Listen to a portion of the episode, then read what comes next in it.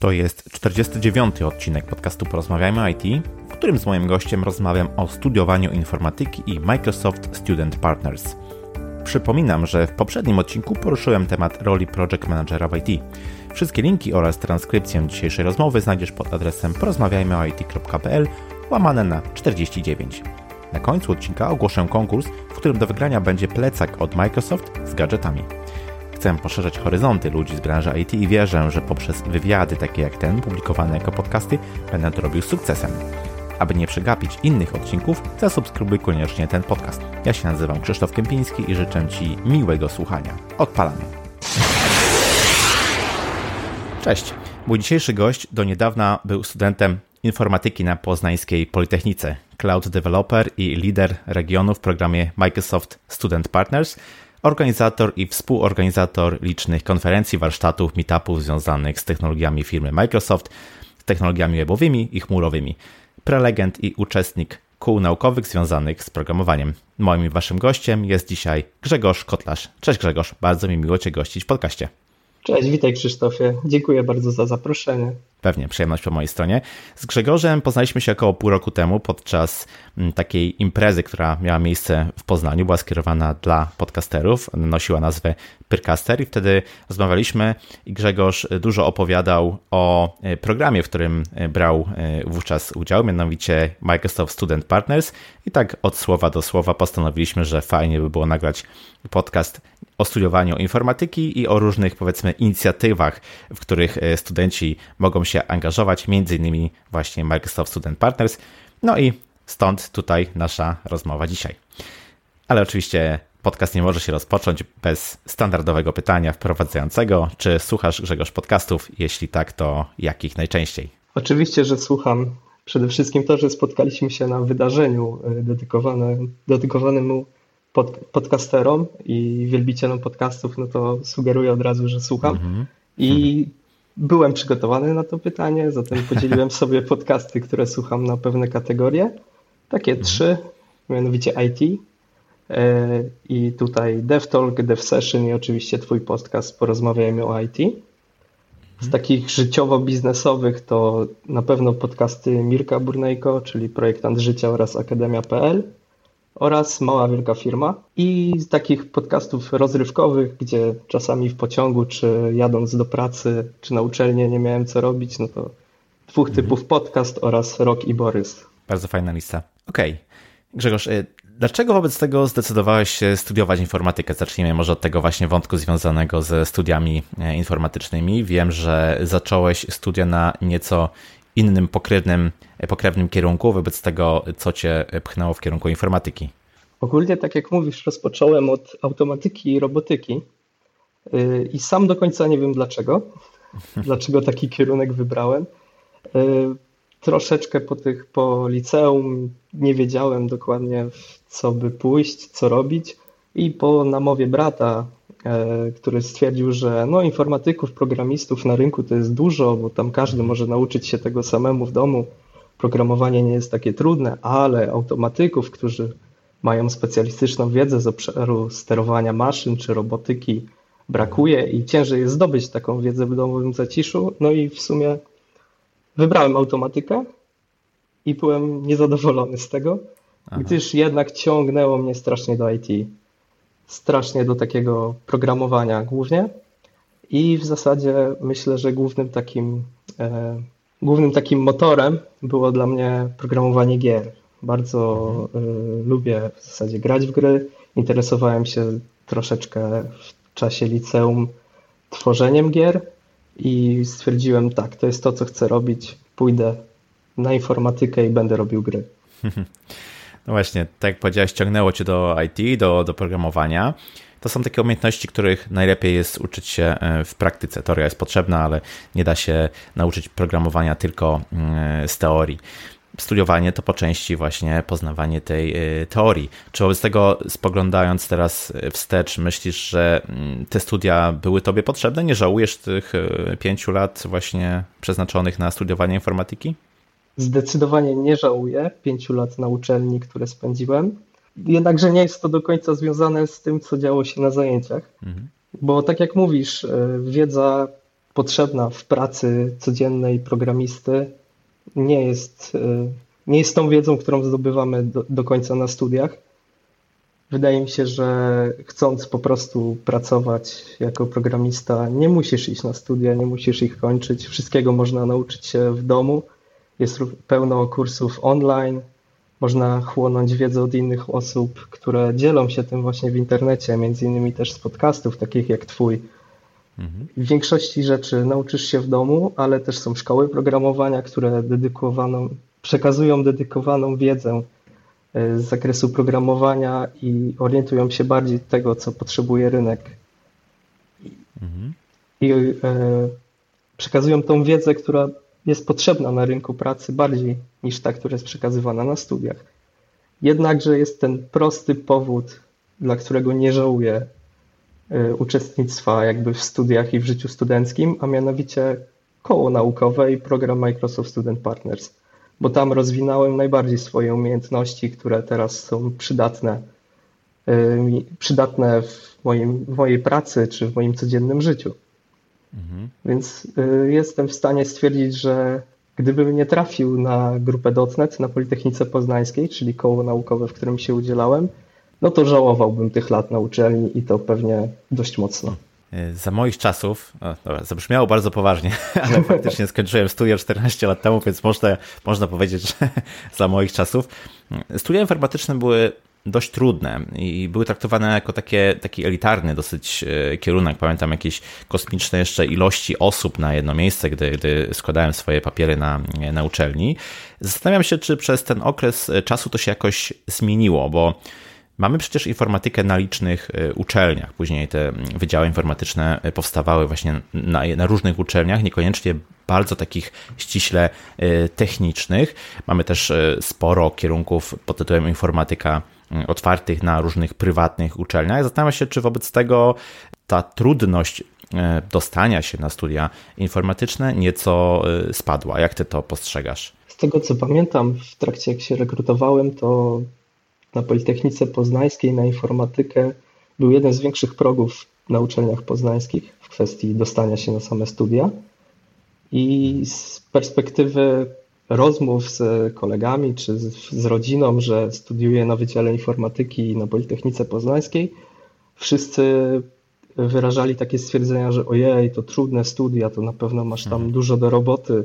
Zatem myślę, że chociażby ten stereotyp, może powiedzmy, bądź fakt, o którym mówisz, że studia są e, informatyczne uznawane za dość elitarne, myślę, że pozostał. Jest dalej, e, mhm. jest dalej w modzie. A to, co mówisz, na wielu uczelniach teraz y, jest oferowana, oferowany taki kierunek jak informatyka.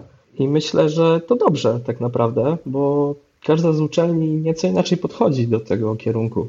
Tutaj na studiach, y, na których ja byłem, czyli na Politechnice, czyli typowych, typowo inżynieryjnych, technicznych studiach, było bardzo dużo poświęcone czasu na uczenie matematyki, algorytmiki, a na przykład na, na uczelniach prywatnych jest e, dużo większe nastawienie na taką informatykę, nazwijmy to użytkową czy biznesową. Mhm. Więc myślę, że dzięki temu każdy może znaleźć coś dla siebie. No właśnie, bo to jest chyba tak, że powstały różne gałęzie, powiedzmy, rozwoju informatyki. No i tak samo studia też muszą się do tego jakoś mm, dostosować. Ale Chciałbym na chwilkę wrócić do tego aspektu związanego z uczeniem się teorii, o którym mm, wspomniałeś. Powiedziałeś, że na studiach inżynieryjnych na Politechnice sporo całkiem tego typu wiedzy, powiedzmy, e, trzeba przyswoić. Chciałem Cię zapytać, czy według Ciebie na studiach informatycznych nie jest troszkę tej teorii właśnie za dużo, a zbyt mało praktyki, bo to w efekcie może dać coś takiego, że osoba kończąca, taki absolwent kończący taki kierunek, no jest powiedzmy łagodnie mówiąc, średnio przydatny na rynku pracy, ponieważ co prawda posiada całkiem dużo wiedzy teoretycznej, ale niestety no nie potrafi w praktyce jej jakoś e, zastosować. Jakbyś ocenił taki powiedzmy program nauczania na studiach informatycznych? Zbyt dużo teorii, czy według Ciebie wystarczająco albo tyle, ile, ile powinno być? Powiem tak. Ciężko jest mi się wypowiadać ogólnikowo. Mogę mówić o tym, co sam studiowałem, tak naprawdę. I z racji, że ja pierwszy stopień studiów e, ukończyłem właśnie na automatyce i robotyce, co prawda na Wydziale Informatyki, ale program był moc, e, w pewnym momencie mocno odbiegający od e, programu studiów informatycznych, więc tutaj mogę powiedzieć z pełną, jakby z pełną szczerością, że program automatyki mi się mega nie podobał i był bardzo, bardzo źle ułożony i mocno teoretyczny. A jeżeli chodzi o, inf o informatykę i o rozmowy ze znajomymi, którzy równolegle ze mną studiowali, to wydaje mi się, że owszem, teorii jest dużo, jednakże też dużo projektów było do zrobienia wszelkiego rodzaju, które sprawdzały tą teorię, więc można było troszkę załapać, na pewno można było dużo załapać z różnych dziedzin informatyki wiedzy, czy co ciężko jest osiągnąć w domu, bo jednak jeżeli idziemy na jakiś kurs programowania, to jest to stricte programowanie i uczymy się w jaki sposób pisać kod, e, może jak niekoniecznie jak pisać go bardzo dobrze, ale tak naprawdę mógłbym tutaj powiedzieć, że czasami niektóre szkoły programowania uczą klepaczy kodu, może, może jednak po studiach informatycznych, jeżeli wsiąkniemy dużo teorii na temat tego, jak działa komputer, jak działa pamięć operacyjna, e, w jaki sposób nasze, załóżmy, obiekty w językach e, programowania obiektowych są przetrzymywane w pamięci, jesteśmy w stanie na pewno być bardziej świadomymi programistami, świadomymi informatykami. No i też sprawa jest e, taka, że nie wszyscy po studiach informatycznych idą do programowania, więc e, na pewno wiedza z zakresu baz danych, czy jakichś mikrokontrolerów, e, infrastruktury, sieci, na pewno jest też przydatna do bycia świadomym deweloperem, świadomym programistą, a jednocześnie otwiera, e, otwiera drogę do pozostałych obszarów IT. Pewnie. To jest też cenna uwaga, że te podstawy, które nieraz być może w bezmyślny sposób jakoś tam musimy przyswoić, okazuje się, że te podstawy są niezmienne i o ile IT, informatyka, programowanie zmienia się i rozwija się bardzo szybko, tyle najczęściej korzysta z tych, z tych podstaw, dlatego być może mm, no jest to jakaś droga, tak jak powiedziałeś, do tego, żeby być bardziej świadomym e, uczestnikiem całej tej, całej tej przygody. Tak, tak. Czytałem ostatnio mhm. czystą architekturę Uncle Boba i właśnie między innymi pisał tam o tym, że tak naprawdę podstawy, którymi, na których leży współczesna informatyka, nie zmieniły się od tych lat 70. I to tak. dalej jest to samo, tylko tak naprawdę deweloperom czy użytkownikom e, API, które są napisane w systemie operacyjnym, jest po prostu coraz łatwiej z tego korzystać z racji mhm. rozbudowy mocy obliczeniowej i pamięci, którą mamy dostępne w komputerach. Nie musimy dbać o te bity, bajty, ale jednak to, co tam siedzi pod spodem, jest niezmienne od wielu lat. Więc Oczywiście. warto, warto, myślę, tego się nauczyć, żeby mieć tą świadomość. A tą wiedzę ciężko zdobyć e, gdzieś w internecie w taki ustrukturyzowany sposób, w jaki można ją uzyskać na studiach. Mhm. Bardzo cenne uwagi. To jest też e, tak, że na początku, powiedzmy na pierwszym, drugim, może trzecim roku tej teorii faktycznie jest e, w przeważającej ilości, no bo musimy jakieś podstawy, powiedzmy, e, uzyskać, jakieś podstawy poznać, natomiast e, później im dalej w las, no, na dalszych latach studiów więcej automatycznie jest z praktyki, ponieważ jesteśmy w stanie w jakiś sposób tą wiedzę mm, wykorzystać, także nie ma się co na pierwszym roku już pewnie zrażać. Tak, jeszcze zastanawiam się też nad tym, nie wiem jak jest na innych uczelniach, Tutaj może słuchacze by poruszyli ten temat gdzieś w komentarzach, mhm. ale zastanawiam się nad tym, tak naprawdę, jaki jest cel uczelni wyższej y, właśnie w nauczaniu informatyki.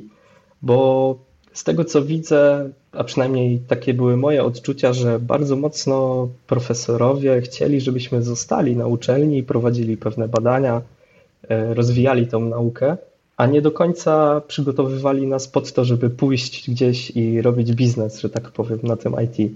Więc zastanawiam się, jak jest na pozostałych e, uczelniach, na pozostałych mm, wydziałach, kierunkach związanymi z informatyką, czy rzeczywiście, tak jak na Politechnice Poznańskiej, duża część profesorów chyba chce, żebyśmy po prostu pozostali i rozwijali spuściznę, którą nam pozostawiają postaci właśnie wiedzy przekazywanej. Nie wiem, jak ty na przykład odczuwasz po swoich studiach.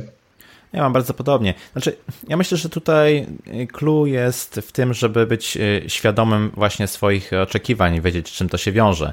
E, idąc na, na, na uczelnię, jeszcze taką powiedzmy renomowaną albo, albo jakąś powiedzmy rozpoznawalną, no musimy być e, świadomi, że, że ta teoria będzie tam zajmowała sporą część programu i to nie jest jak gdyby mm, ten typ kształcenia, który ma właśnie wyprodukować, tak jak powiedziałeś, klepaczy kodu. I oczywiście ja tutaj jak gdyby nie, nie twierdzę, że ich nie potrzeba, bo takich rzemieślników, którzy przychodzą do pracy na 8 godzin, robią to, co do nich należy i wychodzą, będzie potrzeba coraz więcej z racji na to, że rynek pracy versus potrzeby wygląda tak, jak e, wygląda. Natomiast no, idąc też na, na, uczelnię, studiując przez 5 lat, dajmy na to informatykę, trzeba sobie być może wcześniej postawić pytanie, po co właściwie chcę to, hmm, chcę to robić. Oczywiście chciałbym powiedzieć, że y, nie neguję y, wszelkiego rodzaju szkół programowania i właśnie osoby, które po prostu piszą kod, czują się w tym dobrze i nie potrzebują jakby, nie mają potrzeby zgłębiać tej wiedzy gdzieś informatycznej, takiej pod spodem, która się znajduje. Jak najbardziej to szanuję. Znam takie osoby, które są świetnymi programistami, dlatego mhm. chciałbym tylko sprostować. Jasne, jasne. Dokładnie. E, powiedziałeś e, że ta praktyka też występowała na, na studiach, też jakieś projekty były przez Was, powiedzmy, wykonywane. I chciałbym Cię zapytać, jakie to były y, technologie, bo ja mam takie doświadczenia, że uczyliśmy się i robiliśmy projekty w technologiach, które były y, łagodnie mówiąc, no już trochę passe na, na rynku. To znaczy, nie były do końca to aktualne, wykorzystywane przez biznes y, technologie czy języki języki programowania. Jestem ciekawy, czy też doświadczyłeś czegoś podobnego. Jak najbardziej. Myślę, że słowo passe użyte przez ciebie jest bardzo, bardzo fajnie podsumowuje tak naprawdę przygodę na studiach, a przynajmniej no takie 80%. E, mhm. Powiem tak, na automatyce i robotyce, kiedy mieliśmy wstęp do informatyki na pierwszym semestrze i on był prowadzony wspólnie dla informatyki i automatyki, to głównymi technologiami, które były tam wykorzystywane i uczone, to były języki C, C, ale oczywiście pojawiał się tam Pascal, na który wiem, że na informatyce jeden z profesorów bardzo mocne parcie miał. Troszeczkę SQL-a, później gdzieś pojawiał się C w systemach czasu rzeczywistego, assemblery, no, sterowniki PRC związane z tym, że to była automatyka. No i dużo w tym, co wymieniłem, było kartki i długopisu, aniżeli e, klawiatury i pisania kodu na komputerze. I tak naprawdę ciekawsze technologie dopiero gdzieś na magisterskich studiach u mnie się pojawiły. I tam rzeczywiście troszkę zaczęliśmy dotykać mocniej rzeczy, które są bardziej teraz wykorzystywane, ale widzę, że na Politechnice Poznańskiej króluje Java no jest to mm, język rzeczywiście, tak, jest to język rzeczywiście wykorzystywany obecnie, ale y, nie zawsze w tej najnowszej jakby formie był on wykorzystywany na Politechnice. Poza tym było trochę C-Sharpa, JavaScript się pojawił na czwartym roku studiów, hmm. Python gdzieś tam piąty rok u mnie, ponieważ y, mocno było wykorzystywania go w data science. Więc tutaj rzeczywiście na studiach magisterskich troszeczkę tu ruszyło, ale studia inżynierskie troszkę mnie zawiodły. Jednakże, no mówię, to była ta automatyka. Na informatyce wiem o tym, że właśnie na przykład są dwie grupy prowadzone na pierwszym roku studiów z wstępu do programowania. Jedna z nich ma Pascala, ale można spróbować dostać się do tej elitarnej grupy, która zaczyna z Pythonem. Tylko wiem, że tam jest ograniczona liczba osób, która może pójść na tego Pythona. Dlatego widzisz, Pascal ciągle króluje. Ciągle żywe. tak, tak. Ciągle żywe. Mhm. A czy, czy, czy te technologie, których e, wówczas się e, uczyłeś, czy one jakoś są przydatne e, powiedzmy teraz, kiedy, kiedy pracujesz, pracę zaczęłaś już wcześniej, ale czy w jakiś sposób wykorzystujesz w pracy, może w swoich projektach to, czego praktycznie nauczyłeś się na studiach? No na pewno języka jakby obiekt, języków obiektowych, samego paradygmatu programowania obiektowego, no to na pewno dużo mi pomogło nauczenie się tego mhm. na studiach. Nawet były właśnie paradygmaty tak dość mocno poruszone na przedmiotach, więc tutaj bardzo dziękuję doktorowi Kołocie za wstęp do programowania na automatyce i robotyce. Bardzo pozdrawiam pana doktora. Jeżeli chodzi o to, co się uczyłem tak na studiach i te passe, na drugim roku studiów zacząłem po godzinach uczyć się ASP.NET, MVC i wtedy było ono tak dość mocno popularne z tego co pamiętam. Naprawdę koła naukowe dużo prelekcji na ten temat prowadziło, sam trochę o to zahaczyłem na prelekcjach, uczyłem się tego w domu, no a teraz w sumie skończyłem studia i okazuje się, że ASP.NET MVC jest już passé i mhm. teraz trzeba się uczyć od nowa .NET Core'a. E, mhm. Także no, IT się zmienia bardzo szybko. Te technologie się aktualizują w zastraszającym wręcz tempie. I myślę, że ciężko jest utrzymać program studiów, żeby był cały czas gdzieś na bieżąco z tym, co się dzieje na rynku. Aczkolwiek oczywiście no, Pascal oraz e, wprowadzenie JavaScriptu gdzieś tam na czwartym roku studiów, no to troszeczkę no może obudźmy się troszkę Politechniko. Tak, tak. No właśnie, tak jak powiedziałeś, myślę, że to nie jest problem studiów jako takich, że technologie, których studenci się uczą podczas studiów się szybko dezaktualizują, bo, po prostu wszystkie technologie w IT się szybko dezaktualizują, więc bardzo trudno byłoby za, nimi nadążyć. No ale wspomniałeś o tym profesorze, którego e, konikiem był, e, był Pascal i no często właśnie słyszę takie głosy, że studenci na informatyce uczą się starych technologii, ponieważ jest to w jakiś sposób domena kadry, która, która, która uczy, bo, bo powiedzmy nie nadąża ona e, z poznawaniem mm, nowych technologii używanych przez biznes na rynku. Jestem ciekaw, jak oceniasz poziom właśnie kadry naukowej w kontekście tego, co się dzieje na rynku, w jaki sposób, czy, czy w ogóle nadąża ona na tym, jakie trendy panują i co biznes wykorzystuje? No tutaj myślę, że można by troszeczkę zmienić w kwestii y, kadry i troszeczkę nastawienia się rzeczywiście na biznes, przynajmniej na Politechnice, bo z tego co słyszałem, na przykład na Uniwersytecie imienia Adama Mickiewicza w Poznaniu Prowadzone są prelekcje przez przedstawicieli różnych firm e, i profesorowie czy doktorzy y, mają troszeczkę doświadczenia biznesowego, więc myślę, że to jest fajny kierunek, który uczelnia tam zrobiła. A jeżeli chodzi o Politechnikę, ciężko jest zgeneralizować, e, jeżeli chodzi o kadrę całą, ale no, część profesorów oczywiście ma swoje slajdy, które wykładają od tam x lat. Pewnie podejrzewam, że część slajdów, które widziałeś ty, e, widzą, widzieli w tym roku studenci. Tak, tak. No i nie są skorzy do zmian, no bo no nie ukrywajmy, jest to dla nich e, łatwe i przyjemne. No, tak. Mają przygotowany swój zestaw slajdów znają je na pamięć, nie wymaga to od nich jakoś super dużo przygotowania, a wiedza, tak jak mówiliśmy wcześniej, przekazywana na tych slajdach się gdzieś tam u podstaw nie zdezaktualizowała, więc mhm. Dalej spełniają swoje, nazwijmy to KPI, które e, uczelnia im stawia. No ale mhm, mhm. zdarzają się oczywiście również e, tacy profesorowie, którzy starają się podążać za zmianami, śledzą rynek i tutaj zauważyłem, że często te, ci doktoranci, doktorzy, niektórzy również profesorowie y, mają jednak to podłoże biznesowe, ten background, że gdzieś coś widzieli na rynku, próbowali coś, mhm. czy to z własnymi firmami, czy gdzieś pracowali i to widać i zdecydowanie o wiele lepiej mi się uczyło od takich osób. Pewnie, lepiej się takich słucha zdecydowanie.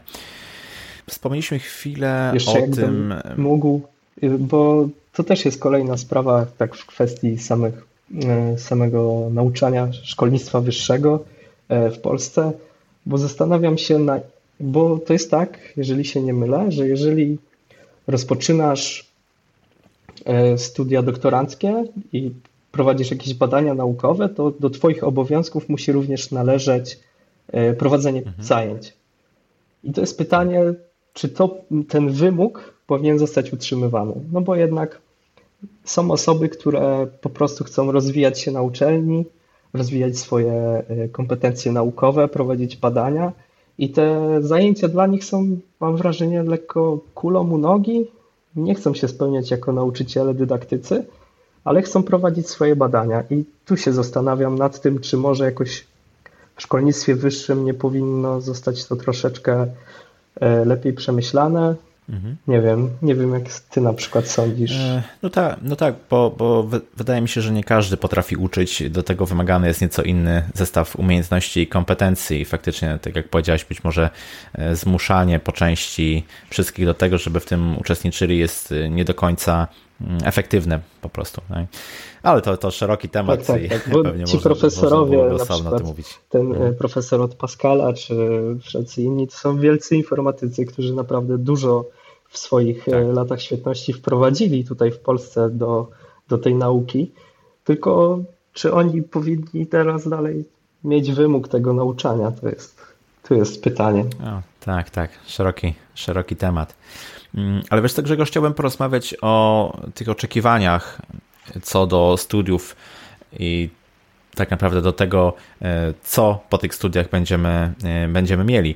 Chciałbym Cię zapytać, jak w Twojej opinii e, studia wyglądają pod kątem tego, co mogą dać studentowi, a czego nie mogą zaoferować? Czego wobec tego możemy się spodziewać, idąc na studia informatyczne, a z czym raczej po takich studiach nie wyjdziemy? Na pewno spodziewałbym się tam dużej dawki wiedzy z zakresu całej informatyki, no bo dużo osób, które idą na studia, chcą, mają takie przeświadczenie, ponieważ teraz y, bardzo trendy jest programowanie. Zauważyłem i jakby myślą, ludzie trochę ograniczają swoje myślenie, że informatyk to pro, pisze programy, ale na studiach mhm. dostajemy naprawdę przegląd na wszystkie tematy w obszarze informatyki, więc E, od samego działania komputera, jakie są zbudowane przez wszelkiego rodzaju bazy danych, e, systemy wbudowane, internet przedmiotów, aż po właśnie programowanie czy uczenie maszynowe. Dlatego studia na pewno mogą dać w kwestii wiedzy ogromny przekrój całej informatyki.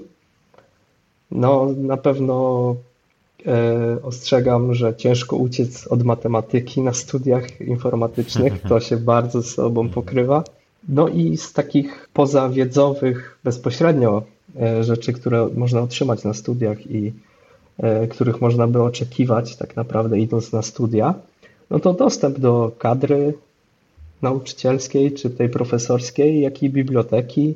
Naprawdę na Biblioteka Politechniki Poznańskiej jest pełna ciekawych pozycji i to również tych najnowszych. Bardzo często korzystałem swego czasu z książek znajdujących się na Politechnice, bo były naprawdę bardzo dużą dawką wiedzy i wydałbym krocie na te, na te książki, jeżeli chciałbym je kupować sobie w domu, a tak można było je wypożyczyć i rzeczywiście rozwijać się e, gdzieś tam po godzinach, po zajęciach.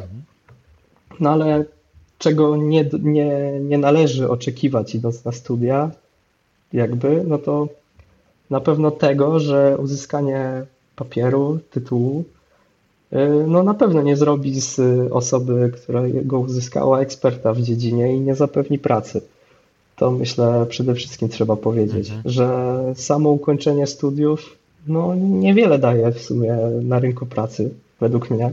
Mhm od czasu, kiedy na nim uczestniczę, to nie zauważyłem, żeby gdzieś w trakcie rekrutacji ktoś zapytał mnie, czy kandydatów o to, jakie miał na przykład y, oceny na studiach, czy, czy ukończył, czy nie ukończył. Wiadomo, jest to gdzieś tam wpisane w CV, ale bardziej rozmawia się na, temat te, na te tematy w trakcie rozmów rekrutacyjnych o projektach, które się robiło na studiach, czy po studiach, więc generalnie na pewno nie dają tego, że nauczymy się i będziemy super wartościowym, e, super wartościową osobą na rynku pracy dla przyszłego pracodawcy, jeżeli tylko ukończymy studia.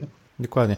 Wiesz, ja jakiś czas temu słyszałem o takich badaniach, które mm, w jakiś sposób pokazywały, że osoby na przykład z wyższym wykształceniem, mówię tutaj konkretnie o programistach, mm, są w stanie zarabiać kilkanaście procent więcej niż osoby z wykształceniem średnim. Ale powiem szczerze, że to się zupełnie nie pokrywa z tym, co e, ja obserwuję. Ja również e, od wielu, wielu lat mm, nie widzę takiej zależności i e, po prostu według mnie takie formalne wykształcenie mm, pewnie w ogólnie rozumianym tutaj rynku pracy dla programistów e, nie przekłada się w jakiś, w jakiś sposób na e, to, ile będziemy e, zarabiać, bo to tak naprawdę umiejętności tutaj wszystko, wszystko determinują.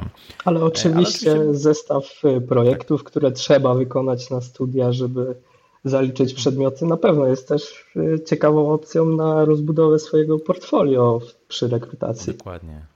No ale tak, Dokładnie. teraz Czyli... ukończyłem e, studia magisterskie razem tam ze znajomymi i tak dalej i nie kojarzę, żeby ktoś nagle dostał wielki boost do pensji za to, że zrobił magistra. Otóż to, otóż to. Natomiast, tak jak powiedziałeś, te projekty mogą być e, takim fajnym początkiem, zwłaszcza w momencie, kiedy budujemy dopiero swoje e, CV i nie ma tam jeszcze mm, jakiegoś doświadczenia zawodowego. No, ale żeby te projekty jakiekolwiek były i miały sens, to warto wybrać uczelnię, która, mm, no, która jest e, w jakiś sposób znacząca albo w jakiś sposób może nam coś zapewnić. W związku z tym chciałem Cię zapytać, czy według Ciebie są jakieś przesłanki, jakieś wskazówki, jakieś rzeczy, na które warto zwrócić uwagę w momencie, kiedy wybieramy e, uczelnię albo konkretny kierunek związany z, z informatyką? Myślę, że warto zapoznać się z opiniami absolwentów czy studentów. Mhm. Fajnie, jeżeli mamy jakichś znajomych, którzy szczerze nam poopowiadają o tym, jak wygląda studiowanie na danej uczelni czy na danym kierunku. Warto też spojrzeć sobie gdzieś tam na grupy na Facebooku danego wydziału czy uczelni. Nieraz komentarze potrafią dużo powiedzieć o tym, co się tam dzieje. Mhm. E, no i myślę zapytać po prostu znajomych. To jest jedna z najlepszych e, tak naprawdę rekomendacji, jeżeli ktoś, kogo znasz, opowie ci o tym, jak wygląda studiowanie Jasne. na danej uczelni. Poza tym wiem, że Niektóre uczelnie organizują, chyba większość, e, przynajmniej tych publicznych, organizują wszelkiego rodzaju dni otwarte na swoich wydziałach. Mhm. Pamiętam, że przed maturą byłem na takich dniach otwartych na Politechnice Poznańskiej i tam wystawiały się różnego rodzaju koła naukowe czy organizacje studenckie, na które myślę, że warto zwrócić uwagę podczas wyboru danej uczelni czy danego wydziału jakie właśnie koła naukowe tam działają, może jakieś organizacje studenckie, które, nie wiem, zrzeszają na przykład studentów e, międzynarodowych. E, taką organizacją jest bodajże Enactus chyba. I zobaczyć, e, jakie, jakie osiągnięcia mają dane organizacje, może gdzieś poszukać, czym się zajmują, bo pomoże to bardzo w rozwoju naszych zainteresowań na uczelni przede wszystkim. I można zauważyć wtedy, czy dana uczelnia gdzieś tam działa prężniej, stawia na swoich studentów, czy też e, właściwie prowadzi po prostu zajęcia i to by było na tyle. No właśnie, bo ty się angażowałeś na y, studiach w różne inicjatywy studenckie, koła naukowe, czy właśnie w Microsoft Student Partners, o którym jeszcze za chwilę porozmawiamy. Mm, I pytanie, czy, czy, czy było to pokierowane tym, że Cię to interesowało, Twoimi zainteresowaniami, czy też może no nie wiem, brałeś pod uwagę, że to po prostu polepszy Twoją sytuację, kiedy wejdziesz na, na rynek pracy? No i czy, czy generalnie poleciłbyś tego typu właśnie aktywności dla studentów? To rozpocznę od końca. Jak najbardziej polecam. To, no to była jedna z lepszych moich decyzji, że trafiłem gdzieś tam do organizacji studenckiej. A jak to się stało? To w zasadzie to był pierwszy rok studiów, więc e, na pewno nie myślałem w takich e, perspektywach, że gdzieś to polepszy moją sytuację na rynku pracy. E, po prostu zebraliśmy się z grupą znajomych z, z kierunku i stwierdziliśmy, chcemy robić gry. Okazuje się, że większość osób, które idą na studia, na początku chcą po prostu robić gry. Tak. Znaczy nie ma w tym nic złego. Tak, jak najbardziej. E, generalnie bardzo fajna i ciekawa praca. I swoją tak. drogą bardzo trudna tak e, nawiasem mówiąc, wydaje mi się, że to jest jedna z najtrudniejszych działek programowania, programowanie gier. W każdym razie y, zebraliśmy się z grupą znajomych. No, chcemy robić gry, no ale w jaki sposób robić gry? Co my musimy umieć? Jak do tego w ogóle, jak rozpocząć?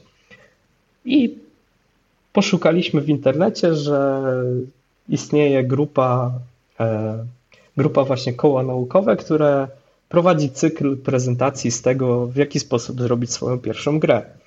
No i w zasadzie było to podyktowane zainteresowaniami tak naprawdę. Czyli poszedłem tam z grupą znajomych. E, okazało się, że byłem najwytrwalszą osobą spośród tej grupy, która właśnie chodziła i uczęszczała jak najwięcej na, te, y, na, na większość tych e, spotkań. Swego czasu zostałem takim ambasadorem automatyki i robotyki na tej grupie studenckiej, ponieważ y, zacząłem spraszać coraz więcej tam znajomych. Zakolegowałem się z tymi osobami, które to prowadziły. Okazało się, że to były naprawdę super osoby z wielką pasją do informatyki, do programowania, którą po prostu zarazili mnie totalnie. I cztery lata w tym kole naukowym spędziłem, rozwijając swoje kompetencje. Chciałbym jeszcze na chwilkę wrócić do wątku studiowania i e, pracy. Mm, sytuacja na rynku pracy w, w IT, no wiadomo jaka, jaka jest, jest łagodnie mówiąc trudna dla pracodawców, dlatego są powiedzmy zainteresowani właśnie ambitnymi e, studentami.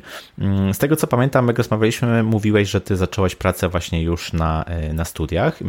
Czy to jest coś, co jest e, powszechne na przykład wśród twoich kolegów? Myślisz, że to jest właściwy kierunek rozwoju? Jest to powszechne, zauważyłem wśród studentów informatyki Większość z nich e, gdzieś coś już potrafiła nawet wcześniej, przychodząc e, na studia, czy będąc po jakimś technikum, czy gdzieś w domu się ucząc jakichś zagadnień. E, na studiach sobie je jeszcze bardziej lepiej przyswajała, ucząc się gdzieś też po godzinach swoje umiejętności szkoliła i tak w okolicach trzeciego roku studiów myślę, że to 30-40% co najmniej pracuje już gdzieś na część etatów, na ile pozwala plan zajęć. E, więc jest to dość powszechne wśród e, studentów informatyki, zauważyłem. I czy to jest e, właściwy kierunek? Ciężko stwierdzić, no bo na pewno jest to mocno obciążające czasowo. Taka praca razem ze studiami, no bo trzeba to pogodzić.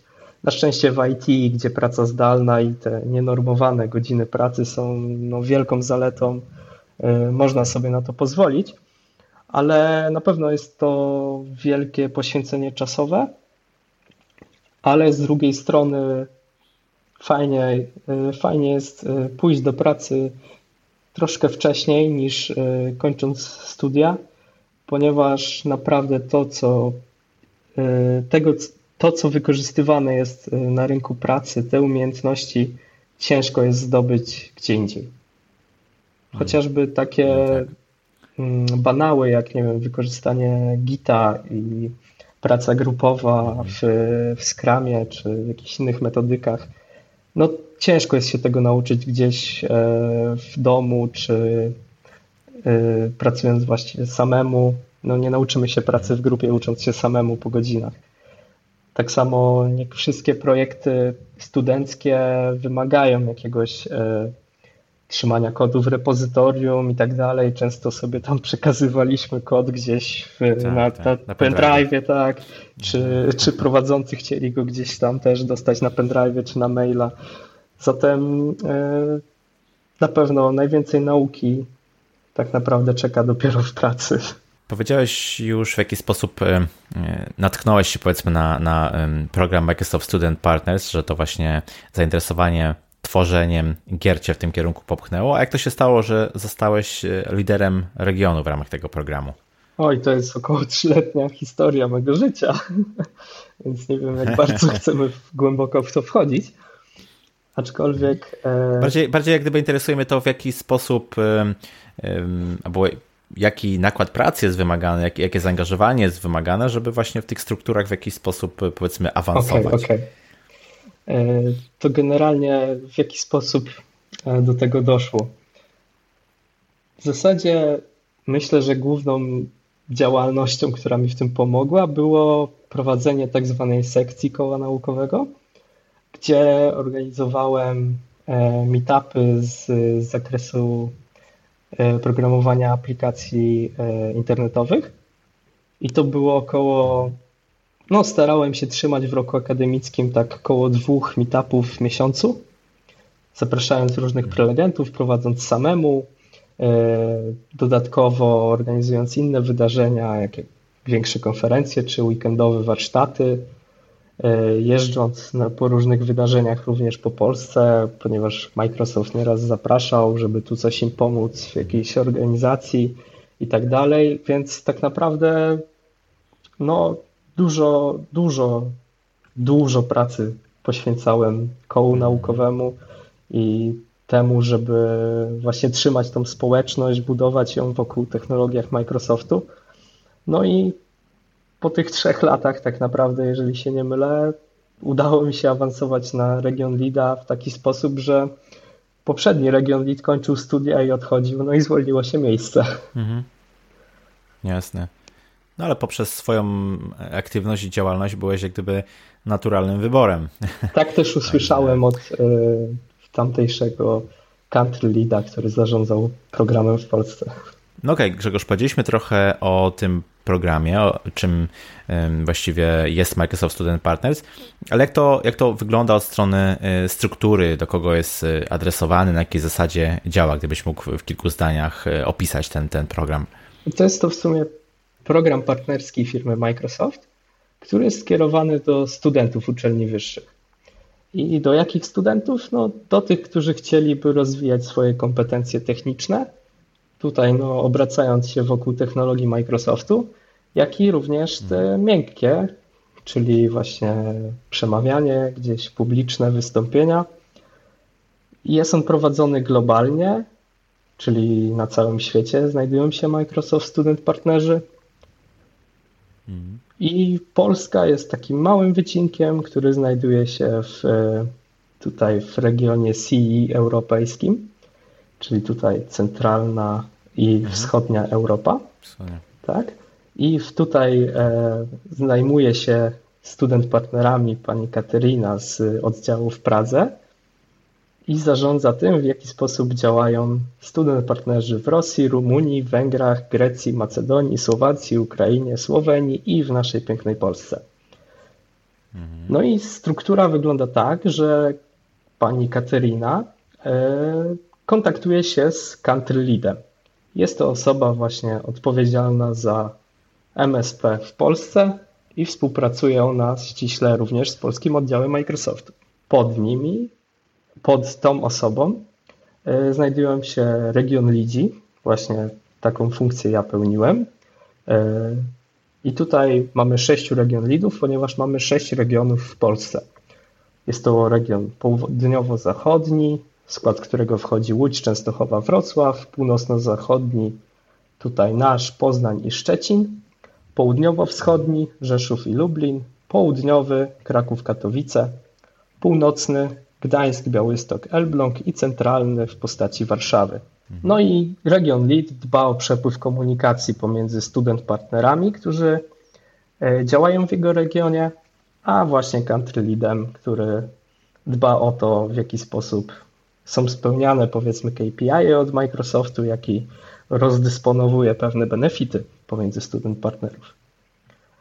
Region Lead również pomaga spełniać cele student partnerom, e, ponieważ głównym obszarem działania takiego region leada jest to, żeby jego student partnerzy wyciągali jak najwięcej z tego, e, z tego projektu, bo jakby w domyśle lead jest tą osobą, która już gdzieś jako student partner osiągnęła więcej i teraz jest po to, żeby pomagać pozostałym w osiąganiu swoich celów. I właśnie w każdym regionie znajduje się do sześciu student partnerów i są to osoby, które e, prowadzą koła naukowe na uczelni. I tutaj właśnie ładnie łączymy się do tego, w jaki sposób trafiłem do tego programu. Mhm. Właśnie student partner prowadził ten cykl spotkań stworzenia gier, bo właśnie do jego Do jego kompetencji zalicza się organizacja warsztatów, konferencji, różnego rodzaju hackathonów, meetupów, projektów na uczelni, jak i również działania w obszarze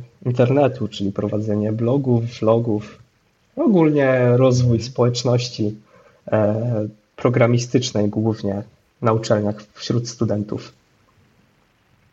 Mhm. No w momencie, kiedy rozpocząłeś swoją działalność właśnie w ramach tych e, struktur, to zrobiłeś e, bardzo wiele. Organizowałeś różne wydarzenia, prelekcje, warsztaty, większe, większe konferencje, całkiem sporo tego, tego jest. Co byś wymienił jako takie swój, swój największy sukces właśnie z tego okresu? Trudne pytanie, ponieważ jestem dumny z wielu rzeczy, które tutaj zrobiłem. No to może być kilka. Okej, okay. to myślę, że taką największym takim przedsięwzięciem organizacyjnym był IT Academic Day 2016 w Poznaniu gdzie udało nam się wraz z pozostałymi osobami z koła naukowego e, zorganizować konferencję na około 300 uczestników, jeżeli dobrze pamiętam. E, generalnie bardzo, bardzo trudne wydarzenie pod względem organizacyjnym na uczelni, ale bardzo satysfakcjonujące. E, udało nam się zebrać bardzo fajną grupę prelegentów. Przyjechał m.in. Cezary Walenciuk, nie wiem czy kojarzysz, e, mhm. E, z Warszawy do nas. Pozdrawiam serdecznie Cezarego. Więc wydaje mi się, że to była jedna z fajniejszych rzeczy, którą udało mi się zrobić w trakcie mojej działalności.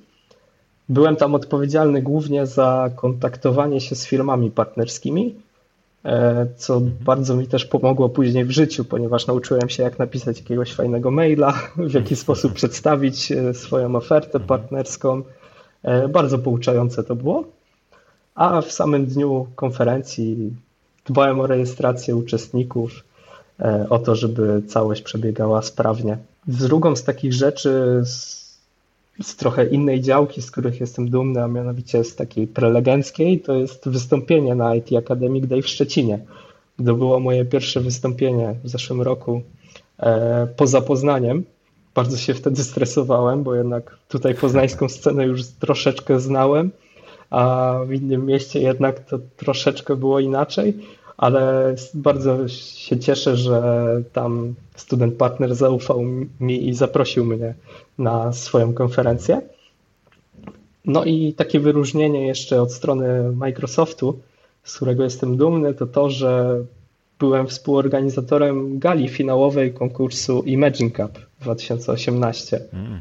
gdzie dbałem o to, żeby w trakcie gali prawidłowo były przesuwane slajdy Boże, to brzmi dość e, śmiesznie, ale jednak to była, to tak, to była jedna z e, najbardziej stresujących doświadczeń w mojej karierze, ponieważ wszystko było, musiało być dograne na tip-top, wszystko było nagrywane, puszczane online, a ja musiałem w odpowiednich momentach te slajdy przełączać. No czyli całkiem sporo, całkiem sporo dokonań i wcale nie dziwię się, że to wszystko doprowadziło cię do zostania tutaj liderem e, regionu. I zastanawiam się, bo trochę już powiedziałeś o tym, że nie tylko takie techniczne, ale również powiedzmy miękkie umiejętności e, rozwijałeś, będąc, e, działając tutaj w ramach właśnie e, MSP. Co, co, co powiedzmy dało tobie jeszcze udział w tym, w tym programie? Bo wiem, że Microsoft przewiduje jakieś benefity dla uczestników tego programu. Mógłbyś trochę więcej na ten temat opowiedzieć? Jasne, oczywiście. Jeżeli chodzi o takie benefity, które Microsoft przewiduje, no to przede wszystkim są pewne benefity, nazwijmy to materialne, nie są to pieniądze, ale y, subskrypcje, na przykład y, Visual Studio Enterprise, w ramach którego student partnerzy mają dostęp do całego pakietu związanego z Visual Studio i y, wszystkimi i całym oprogramowaniem dookoła niego. Jest to również Wśród benefitów jest również 150 e, dolarów kredytów do wykorzystania w chmurze Microsoft Azure, co dla mnie osobiście było świetną rzeczą, ponieważ pomogło mi rozwinąć się, e, rozwinąć swoje kompetencje w obszarze cloud computingu. I teraz pracuję właśnie jako cloud developer co bez tych pieniędzy w postaci właśnie 150 dolarów miesięcznie do przepalenia gdzieś sobie w chmurze e, byłoby bardzo trudne do osiągnięcia, bo jednak no, chmura jest powiedzmy gdzieś e, kosztownym przedsięwzięciem do nauki. Poza tym e, pakiet Office do komunikacji mailowej czy tworzenia wszelkiego rodzaju dokumentów, TechSmith, Snagit i Camtasia która pomaga właśnie w, w kontrybucji do online'owej społeczności. No a ponadto, jeżeli student partnerzy organizują wydarzenia, które wpisują się gdzieś w politykę firmy Microsoft, czyli prezentują gdzieś tam chmurę, czy .NET i te inne sprawy, no to Microsoft pomaga w finansowaniu takich wydarzeń, czy organizacją pewnego cateringu.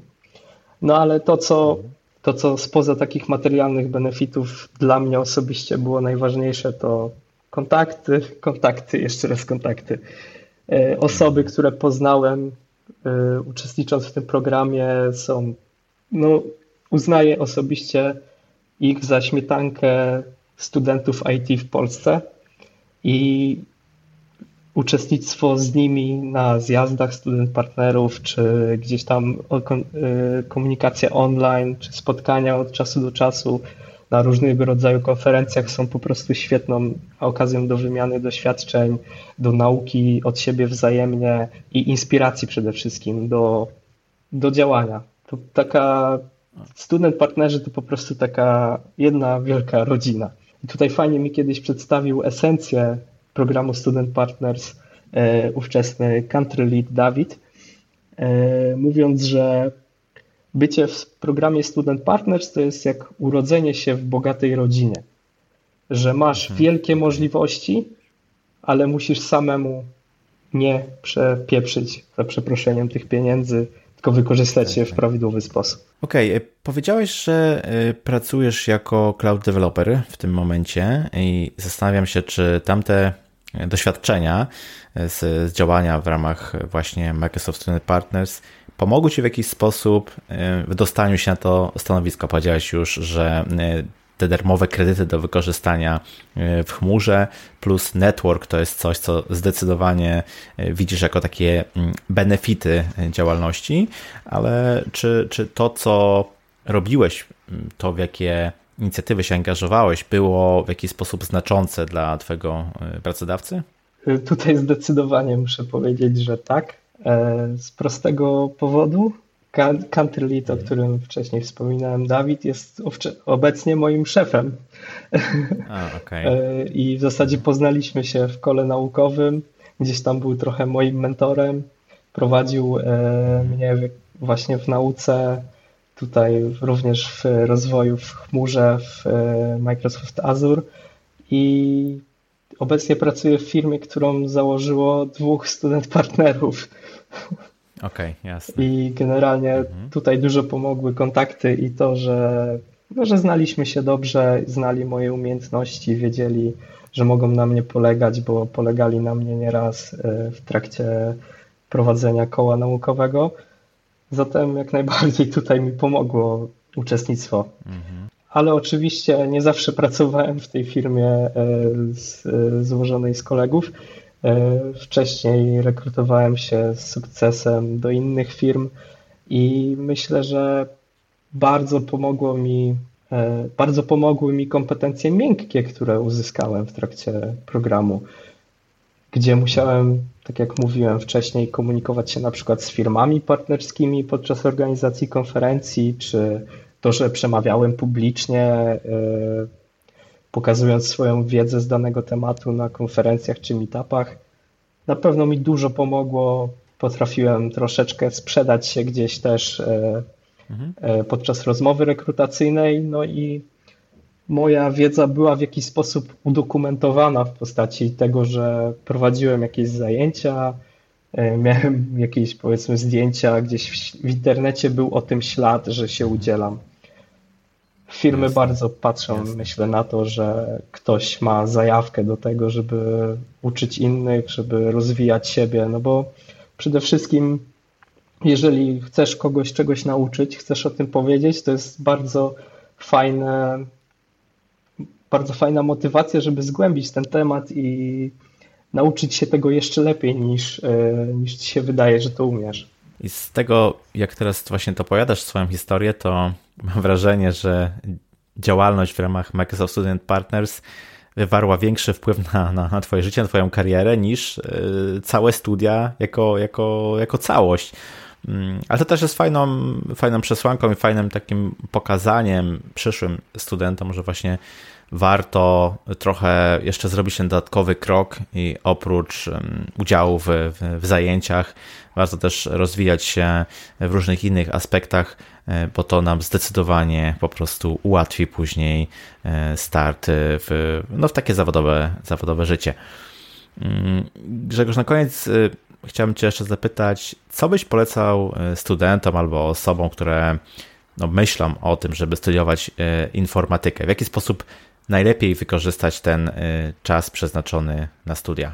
Myślę, że nie trzeba być tutaj alfą i omegą, żeby dotrzeć do wniosku, że w mojej opinii, mojej opinii najlepiej ten czas przeznaczony na studia wykorzystać w jakiejś organizacji studenckiej, e, takim jak właśnie koło naukowe. Polecam grupy .NET zapoznać się e, z tymi miastami, e, które wymieniłem wcześniej, zapoznać się z tymi kołami naukowymi i brać to pod uwagę w momencie, kiedy wybieramy uczelnię, na której chcemy studiować. No a poza tym myślę, że poleciłbym zwalidować swoje oczekiwania wobec studiów. To, o czym rozmawialiśmy wcześniej, że żeby nie nastawiać się na to, że samo ukończenie studiów da nam dobrą pozycję na rynku pracy i miano specjalisty, Myślę, że studia informatyczne są trudnym zagadnieniem i wymagają dużo czasu poświęconego w domu na szlifowanie swoich umiejętności, ponieważ jak wcześniej wspomnieliśmy, nie zawsze to, co musimy się nauczyć na zajęcia, jest tym, co będziemy używać w przyszłości. Dlatego trzeba wziąć pod uwagę, że również czas poświęcony w domu dodatkowo na całkiem inne rzeczy niż robi, robimy w obecnej chwili na zajęcia, będzie również potrzebny. Dokładnie. I z tą myślą zostawiamy wszystkich obecnych i przyszłych studentów informatyki.